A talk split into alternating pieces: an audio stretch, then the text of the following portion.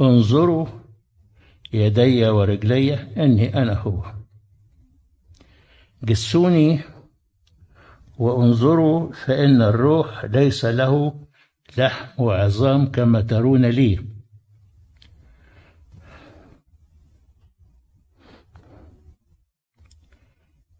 وحين قال لهم هذا أراهم يديه ورجليه.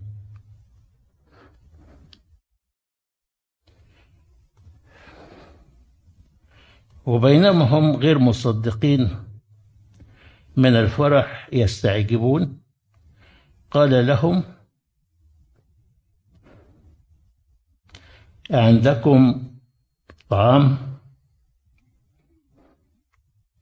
فناولوه جزءا من سمك مشوي وشيئا من شهد العسل وأخذ وأكل قدامهم.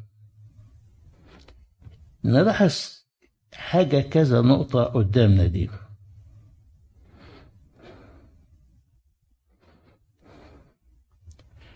إنه ظهر ليهم هم في العلية والأبواب مغلقة. دي أول حاجة.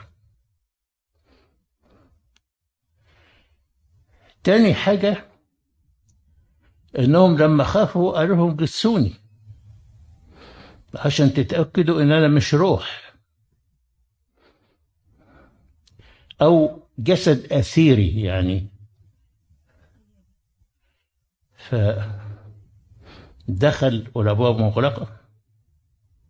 قال لهم جسوني يعني المسوا جسدي عشان تتأكدوا إن أنا مش روح. وبعد كده عمل حاجة معاهم. عمل إيه؟ كل كل أكل معاه قال عندكم طعام قدموا له طعام وأكل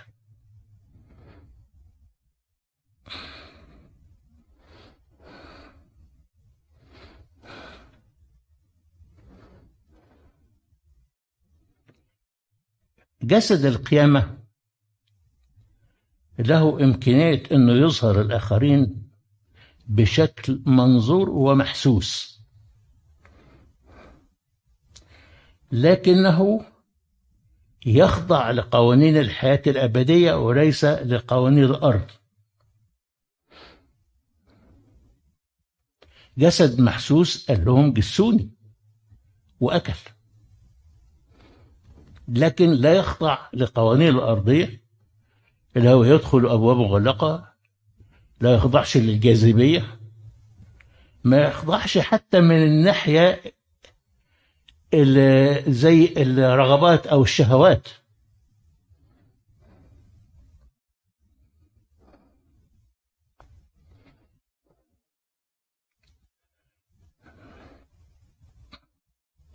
السيد المسيح بنفس الجسد صعد وبنفس الجسد سيأتي.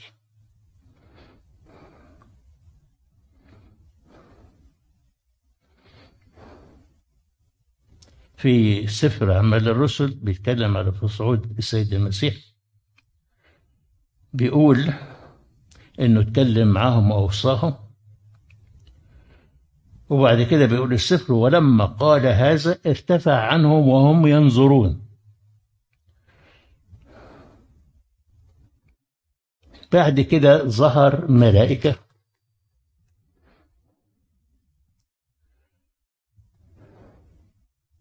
فيما هم يشخصون إلى السماء وهو منطلق إذا رجلان قد وقف بهم بلباس أبيض وقال أيها الرجال الجليليون ما بالكم واقفين تنظرون إلى السماء؟ إن يسوع هذا الذي ارتفع عنكم إلى السماء سيأتي هكذا كما رأيتموه.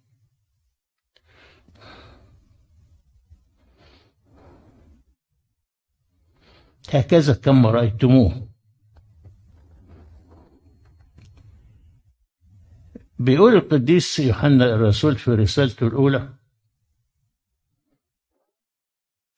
ولكن نعلم أنه إذا أظهر نكون مثله لأننا سنراه كما هو في المجيء الثاني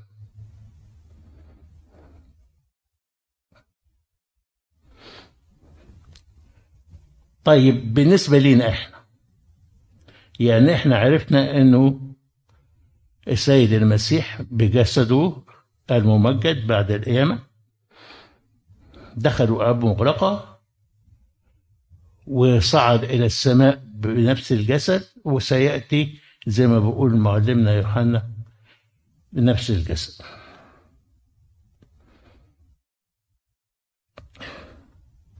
بالنسبة لينا إحنا هتكون إيه طبيعة جسد القيامة بالنسبة لينا؟ نرجع تاني لكلام القديس يوحنا اللي إحنا لسه ذكرناه دلوقتي ونبتدي من أول آية.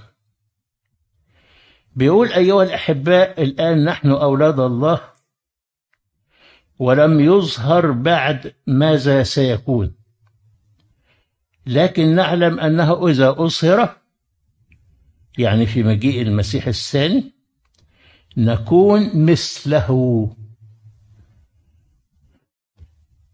لأننا سنراه كما هو.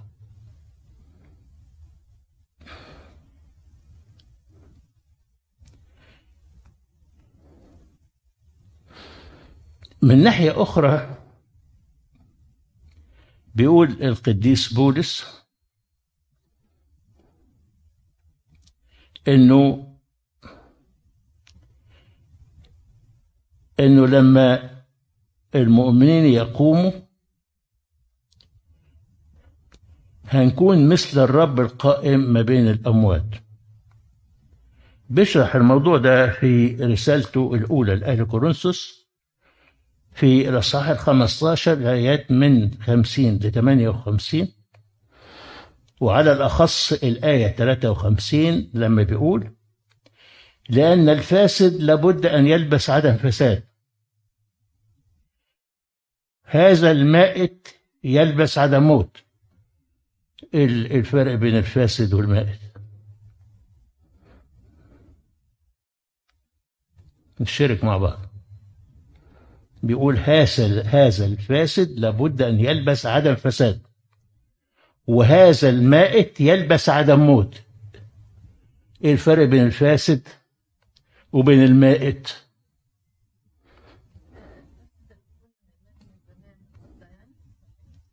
مظبوط. اللي مات وأنتن وتحلل أي فسد جسد. أما المائت فهو اللي لسه حي لكن محكوم أو لازم أو حتما أو كل ما كانش دلوقتي بعدين هيموت. اسمه المائت يعني المعرض للموت.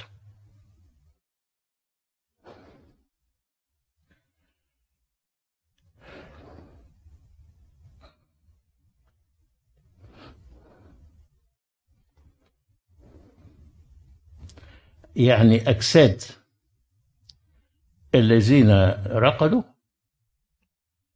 ستقوم في غير فساد. والأجساد اللي تكون لسه حية ساعة مجيء السيد المسيح أيضا ستلبس عدم موت مش هيموتوا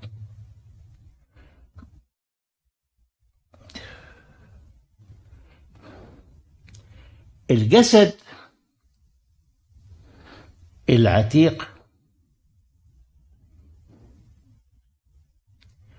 زي ما سمعنا اللي قاله قديس بولس الرسول دلوقتي إنه هذا الفاسد.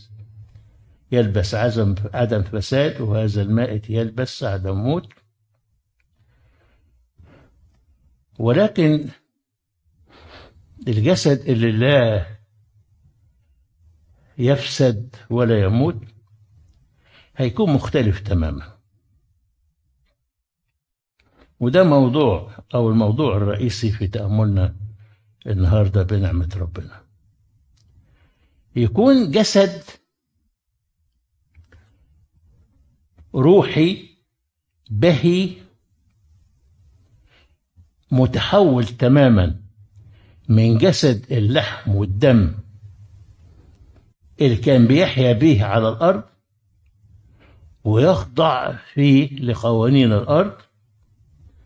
يعني كان ياكل ويشرب ويجوع ويعطش ويتعب ويفرح ويحزن ويبكي ويتألم ويمرض وينزف ينزف وفي الآخر يموت.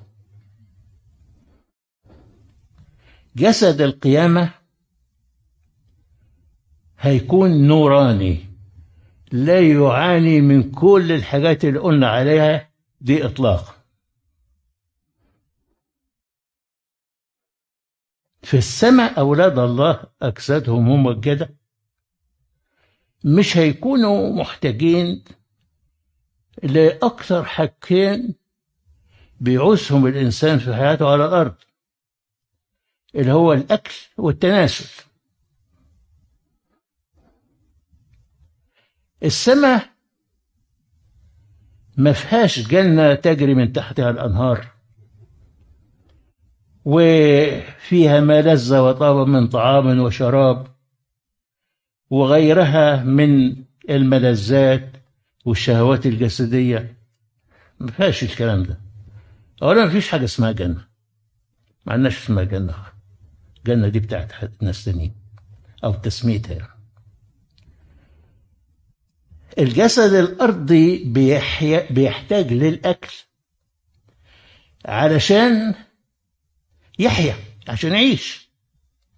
لكن في السماء ده حي إلى الأبد لا يموت ما يحتاجش الأكل.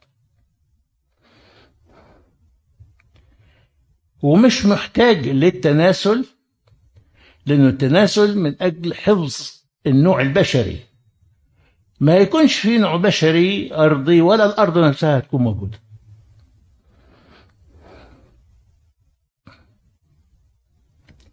حاجة تاني ممكن واحد يسألها. طيب أمال ليه السيد المسيح أكل بعد القيامة؟ عشان إيه يا عبير بالظبط. السيد المسيح قبل بداية آلامه المحيية المخلصة وأثناءها كان بيثبت لاهوته بداية آلامه ثم قيامته وبعد قيامته كان بيؤكد على ناسوته وزي ما شفنا أو سمعنا دلوقتي إنه قال للتلاميذ جسوني عشان تتأكدوا إن جسد. وأكل قدامه عشان يتأكد إنه جسد ولكن جسد ممجد له صفات مختلفة عن الجسد الطبيعي الإنسان العادي. في بيقول الكتاب في قيام في القيامة لا يزوجون ولا يتزوجون لكن يكونون كملائكة الله في السماء.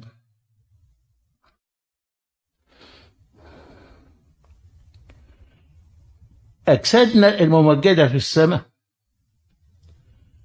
ما يكونش فيهم ألم ولا مرض ولا عاهات ولا شيخوخة يعني حتى اللي كان في الأرض في عاهات جسده الممجد ما هيكونش فيه العاهات دي. يعني واحد أعمى ما يبقاش أعمى. هتبقى عينيه مفتحة. إلى آخره. ولا شيخوخة. يعني فيش واحد معجز كده ومش قادر يمشي زيه كله هتكون أجساد شابة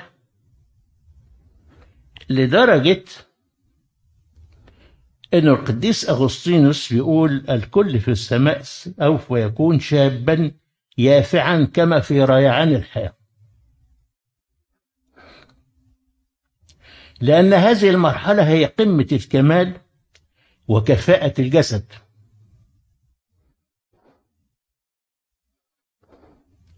فالذين يموتون وهم عميان أو عرج أو مشوهين سوف يقومون ثانية بجسد كامل تماما.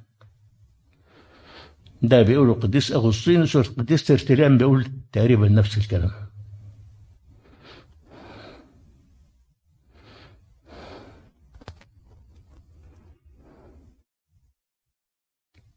طيب هل في السماء لما نطلع ونشوف أمنا العذراء وأبائنا الرسل وماري جرجس وماري مينا وابو سيفين وغيرهم دول.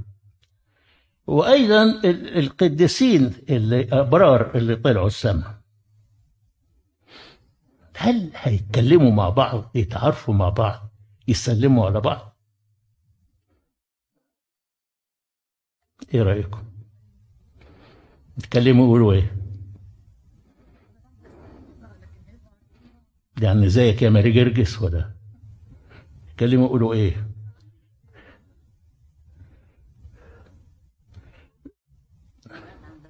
أيوه منال. آه، دلوقتي يعني حضرتك بتقول أجساد. بقول إيه؟ أجساد أجساد. أجساد آه آه. آه، أنا قعدت فترة طويلة قوي كنت فاكرة إن هي إحنا هنبقى روح يعني. لغاية ما قريت آية إن إحنا هنبقى أجساد آه، في السماء.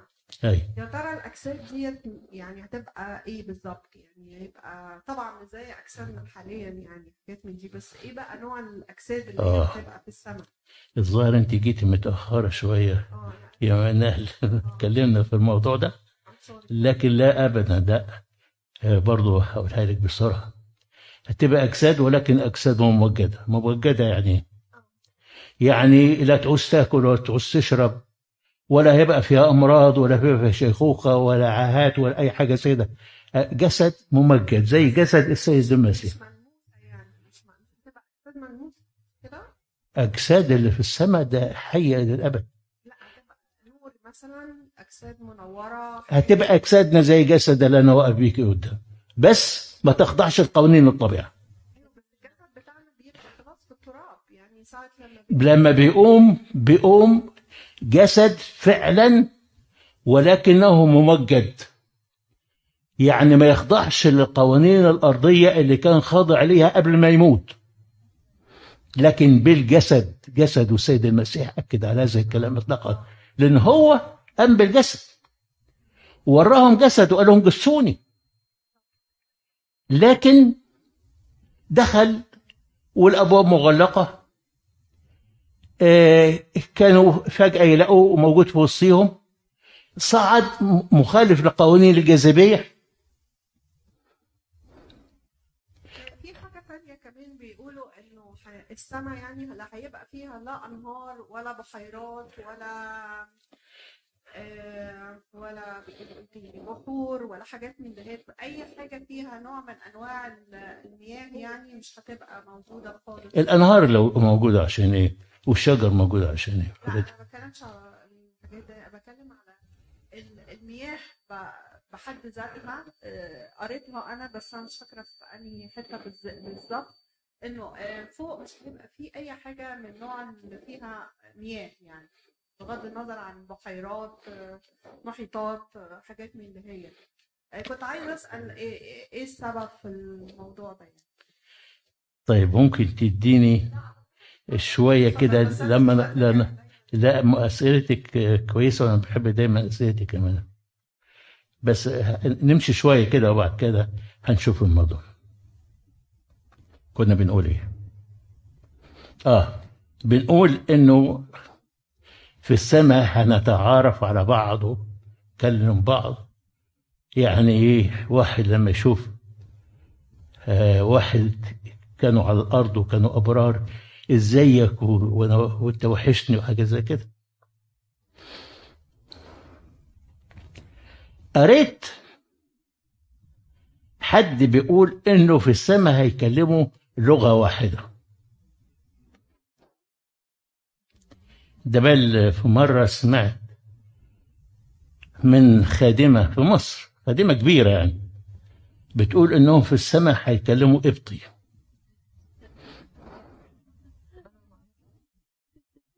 دي رد فعل لأنه المسلمين بيقولوا الكلام في الجنة بالعربي بلغه القرآن فدي رد زي ما هم كده بيقولوا كده طب إحنا بالقبط تفتكروا هيكلموا إزاي؟ بعض.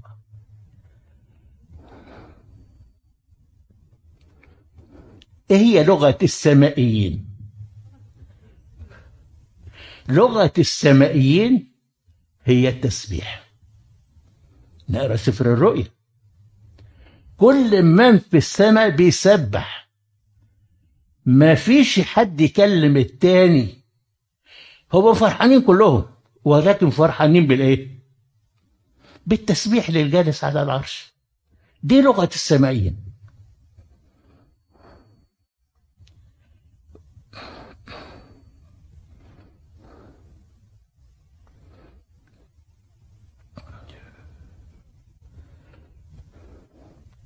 أبونا في ال في القداس الغرغوري. بيقول الذي أعطى الذين على الأرض تسبيح السرافي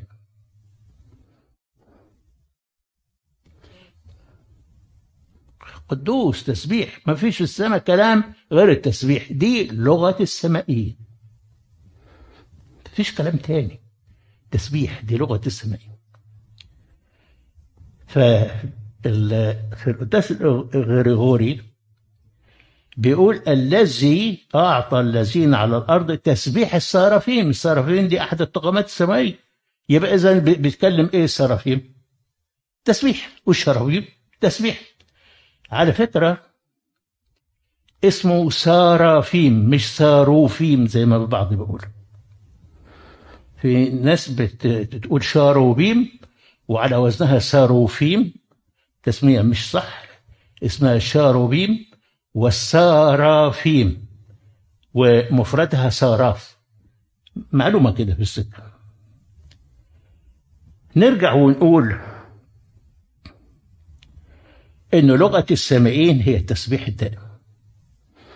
الشاروبيم والسرافيم وكل الطغمات السمائية وكل ما هو أخذ جسد ممجد وصار من ضمن السمائيين هيكون لغتهم الوحيدة هي التسبيح زي ما هو وارد في سفر الرؤيا.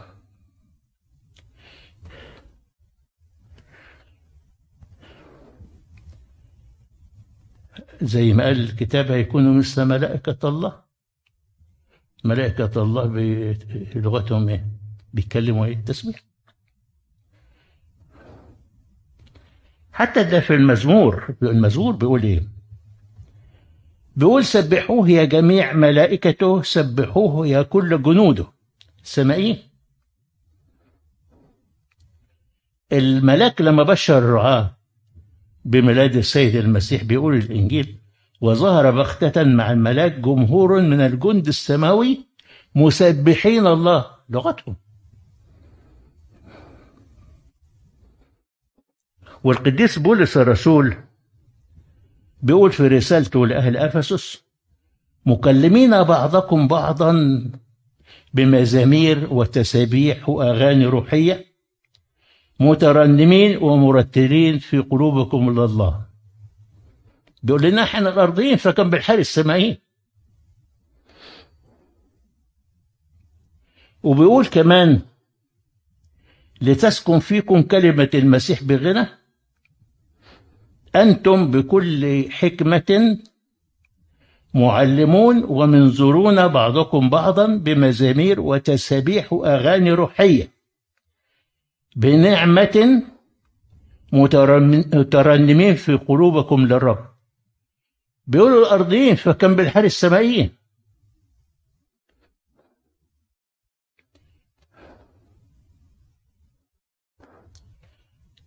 طيب علشان آه نغطي الأسئلة بتاعتكم في هذا الموضوع بتسألي يا منال أنت قلت حاجة تقولي إيه؟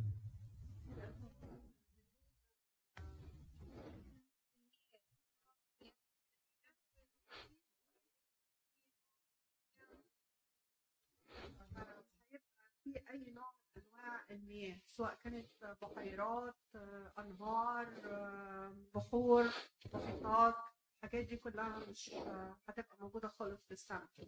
فسؤالي هو طب إيه السبب يعني؟ السماء ما فيهاش السبب ببساطة السماء ما فيهاش ماديات. ما فيهاش ماديات خلاص. لا بحور ولا أنهار ولا أشجار ولا طيور فاش الماديات أبدا. ليه؟ عبارة عن مكان روحي باهي ما حدش يقدر يوصفه لما اختطف القديس بولس الف- الفيلسوف اللي كلامه يعني كله فلسفة ما عرفش. قال ما لم تره عين.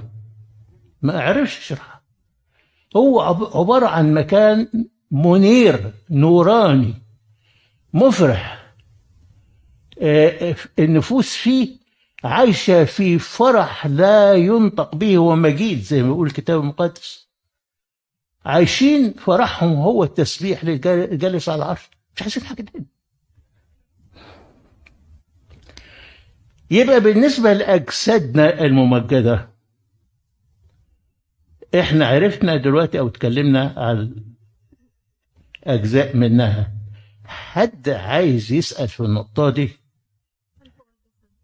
نعم.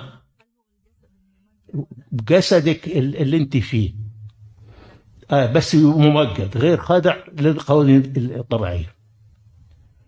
جسد منير.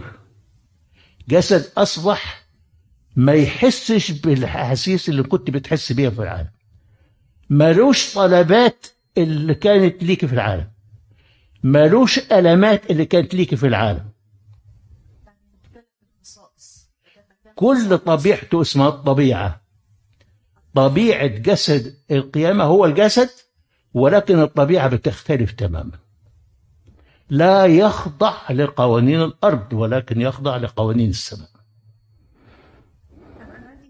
يكاد يكون فلسفي شوية أيوة. هي الكنيسة بتحتفظ بأجساد القديسين وبتكرمهم وهكذا الناس العاديين بيندفنوا عادي. هل الأجساد على معتقداتنا كقدماء المصريين الأجساد هي هي؟ عشان كده لازم يحافظوا عليها ويخلوها زي ما هي بهذا الشكل فتقوم في القيامة ولا ده ملوش علاقة بده خالص؟ لا ده ملوش علاقة. هو تكريم أجساد الم- المتوفين مش هنسميهم منتقلين لأنه ممكن يكون مش مش أبرار نوع من الاحترام لكن الجسد اللي اندفن ومات ده ملوش أي علاقة بالجسد لا ملوش دعوة. لا ده جسد ممجد مختلف تماما. إنما العظام اللي بيقال إنها عظام قديسين ده نوع من الاحترام والتوقير للقديس. لا أكثر ولا أقل. نعم. الكتاب بالإيمان ممكن تاخدي منهم بركة هو الكتاب قال ان اجسادهم لا ترى فسادا فأنا بس عايز أسأل إذا كان في أي رابطة ايا كانت ما بين الأجساد التي لن ترى فسادا والأجساد الممجده اللي هتقوم بعدين. لا ما فيش علاقة والدليل على كده. طب اللي بيتحرق ما يبقاش غير رماد هعمل إيه؟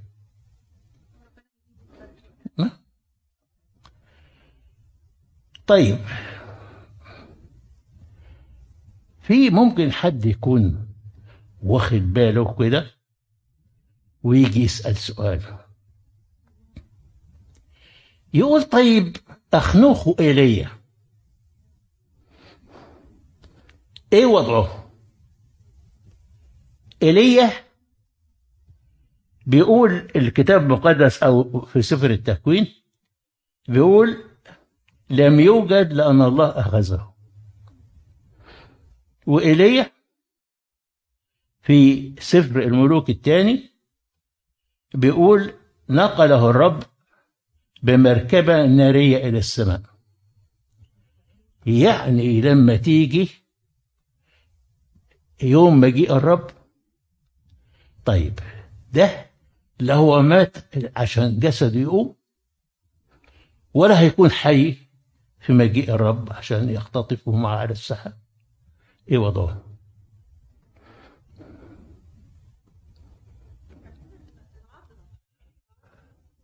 العذراء ماتت. أصعد جسدها.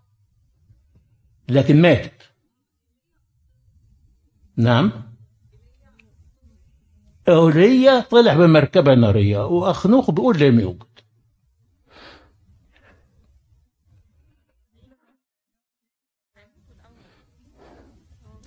أيوة لازم يرجعوا يموتوا. عرفناها من فين؟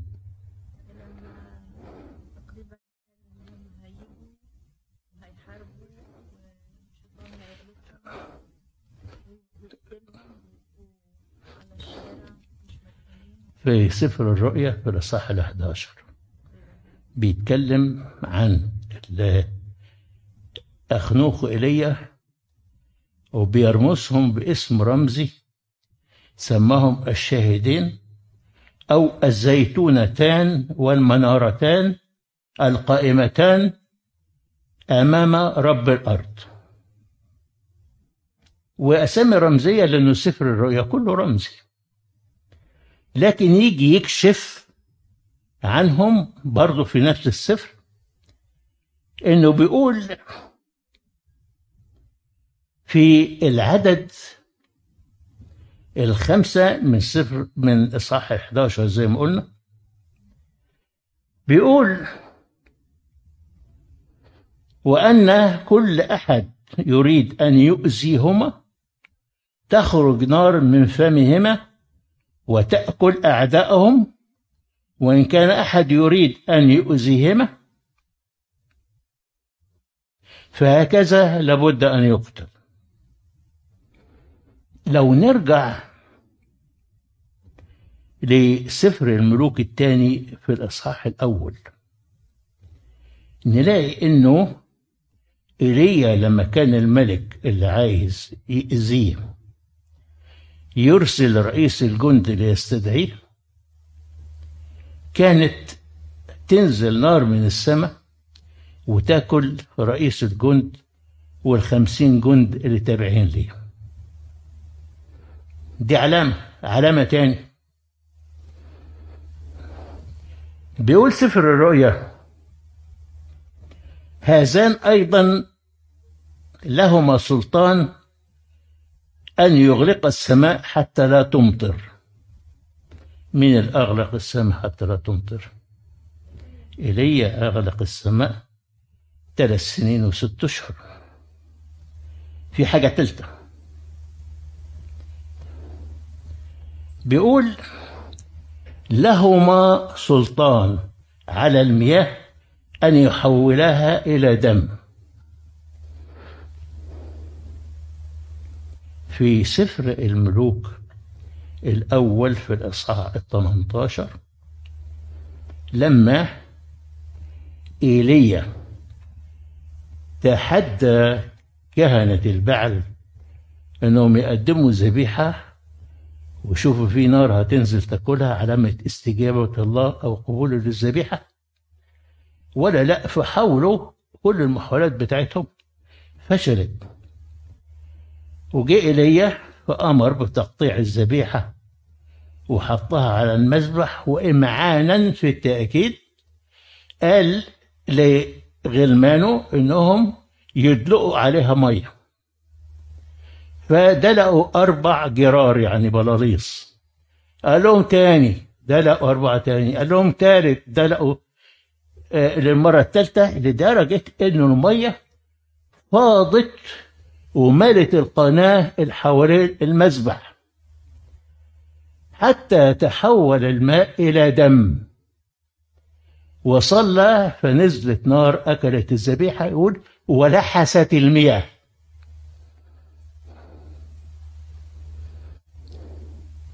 يبقى هي دي اللي بيقول عليها في سفر الرؤيا إنه المياه تتحول إلى دم. طيب في سؤال تاني. كل الكلام اللي اتقال ده على إيليا. طب وأخنوخ؟ أخنوخ كان قبل الطوفان وإيليا بعد الطوفان. قبل الطوفان ما كانش فيه تفاصيل كتيرة بتتقال في الكتاب المقدس. حتى ال- الكلام في سفر التكوين اللي كان على أخنوخ كلام بسيط جدا وفي الآخر يقول لم يوجد لأن الله أخذه. إنما في أيام إيليا بعد الطوفان كان الموضوع كتير. ولكن كان في سفر الرؤيا بيجملهم هم الاثنين مع بعض وحاطط ويقوم بكذا الاثنين اثنين يعني إنه المقصود بهم شخصين أو اثنين وسماهم الشاهدين. والمنارتين وزيتونتين إلى آخره.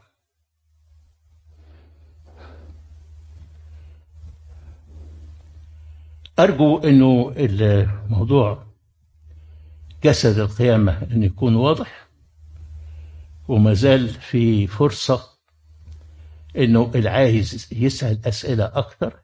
أيوة يا إرمين عندي سؤال من سفر الرؤيا لما بيقول إنه أعطاهم ثيابا بيض. وحصاة بيضاء واسما جديدا.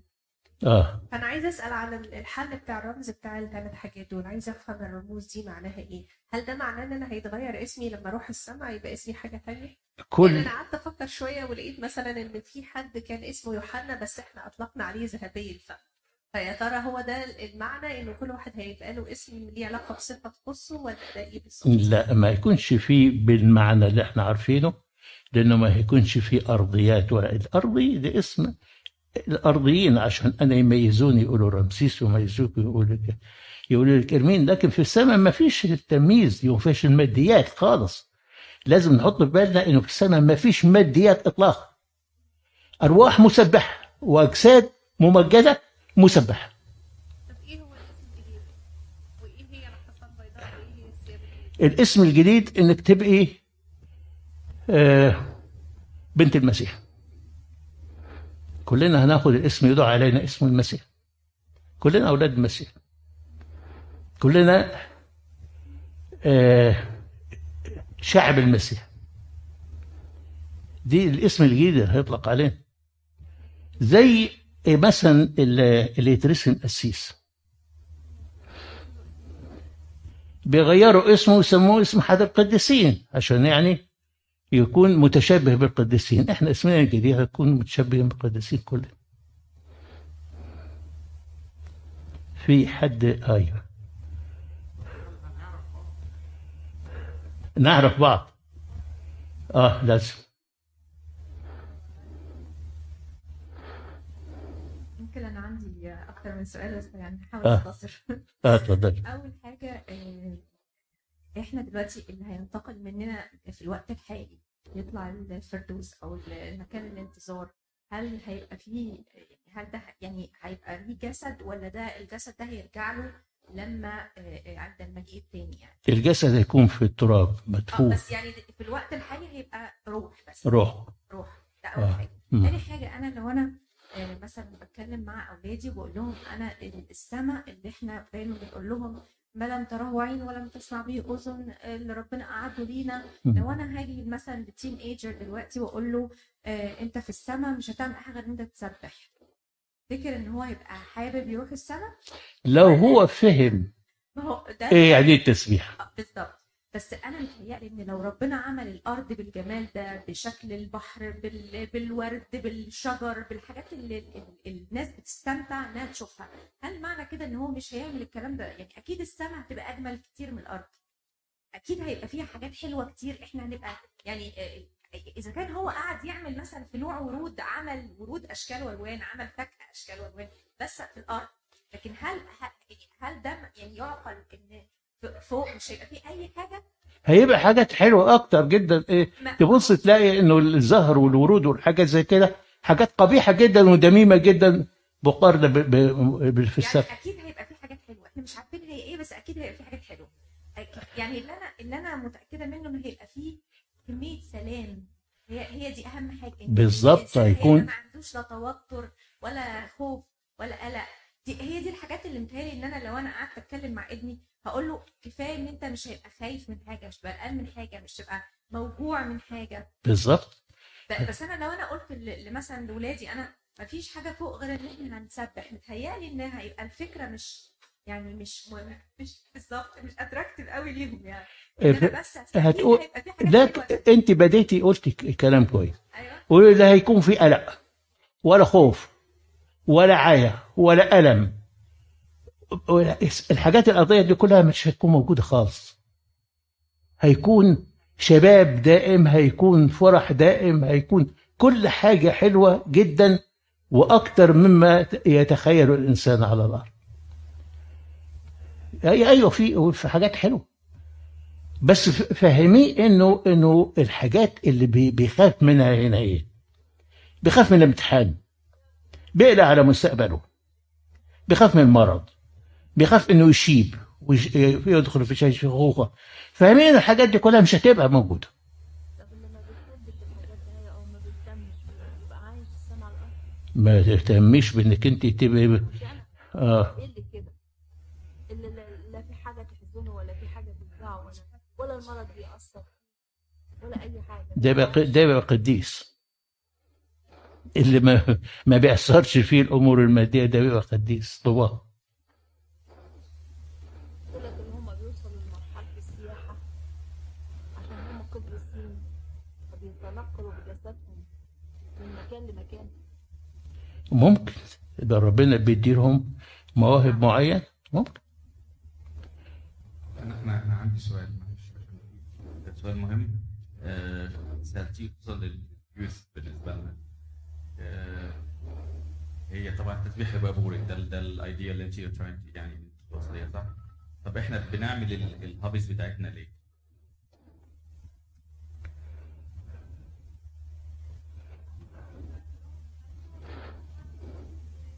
عشان أوصل مم.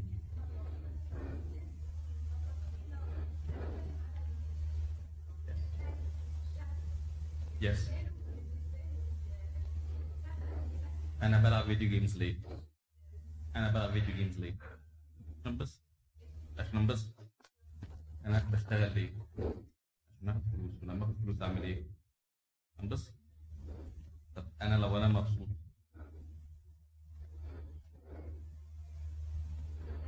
يعني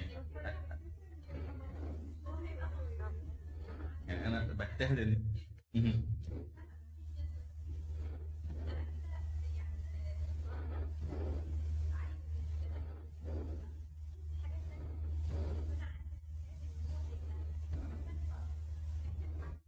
هي هي ستيت التسبيح مهم.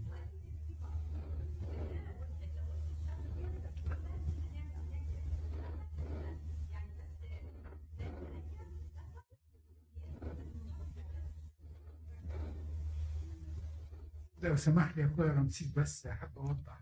اتفضل. في تقريبا سنة 8 78 79 في عظة القيامة للبابا شنودة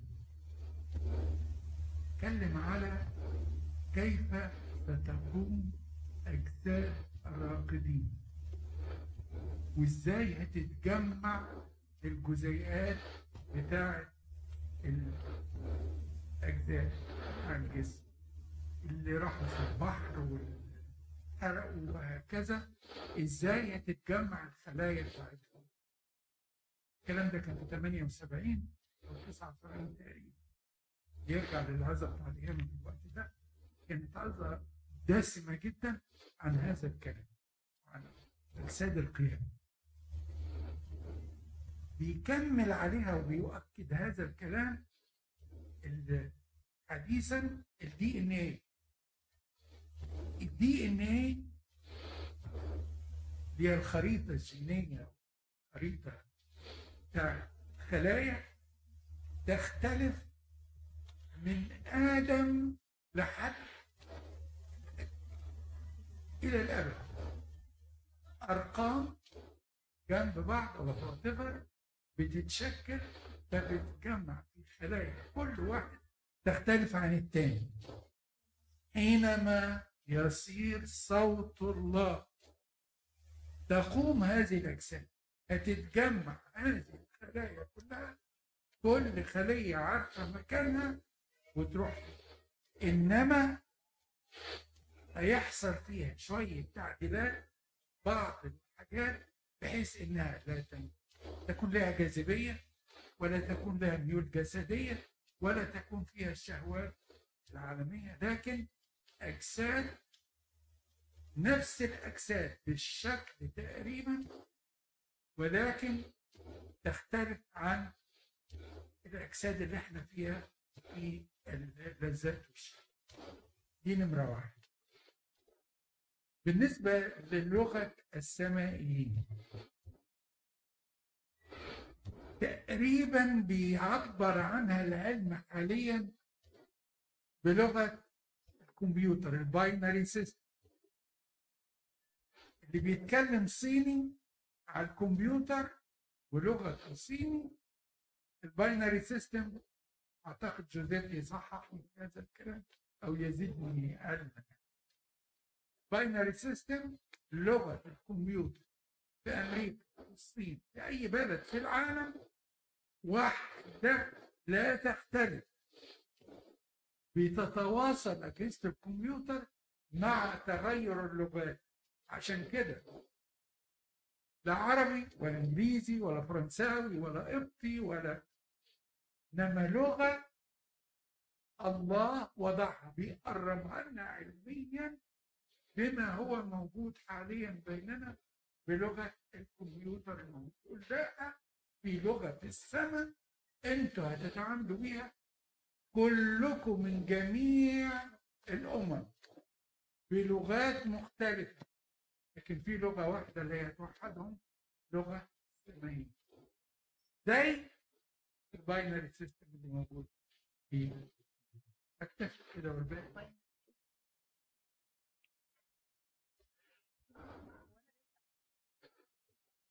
في سؤال من أول كلمتين في المحاضرة إن السيد المسيح لما ظهر لمريم في البستان بعد القيامة قال لها لا تلمسيه ومع ذلك بعد أسبوع لما ظهر للتلاميذ وهم في العلية قال لهم جسوني طب ليه كده؟ ليه ليه ليه التمييز ضد المرأة؟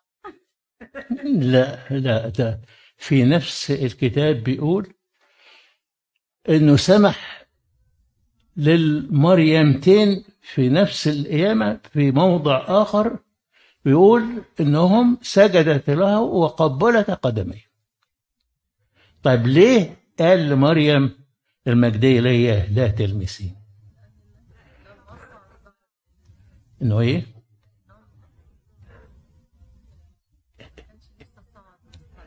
الله طب ما و- وقال لهم جسوني وقعد كل معاهم. ما كانش لسه صح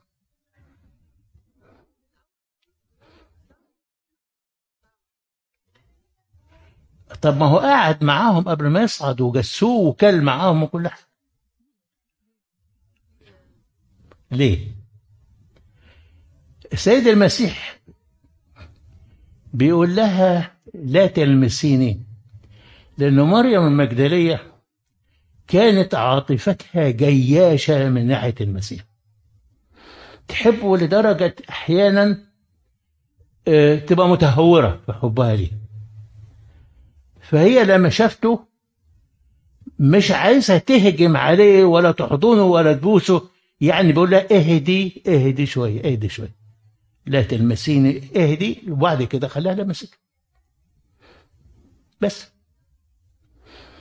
إنما علشان إنها يعني ما أمنتش ولا لا تلمسيني بعدم إيمانك ده مش صح.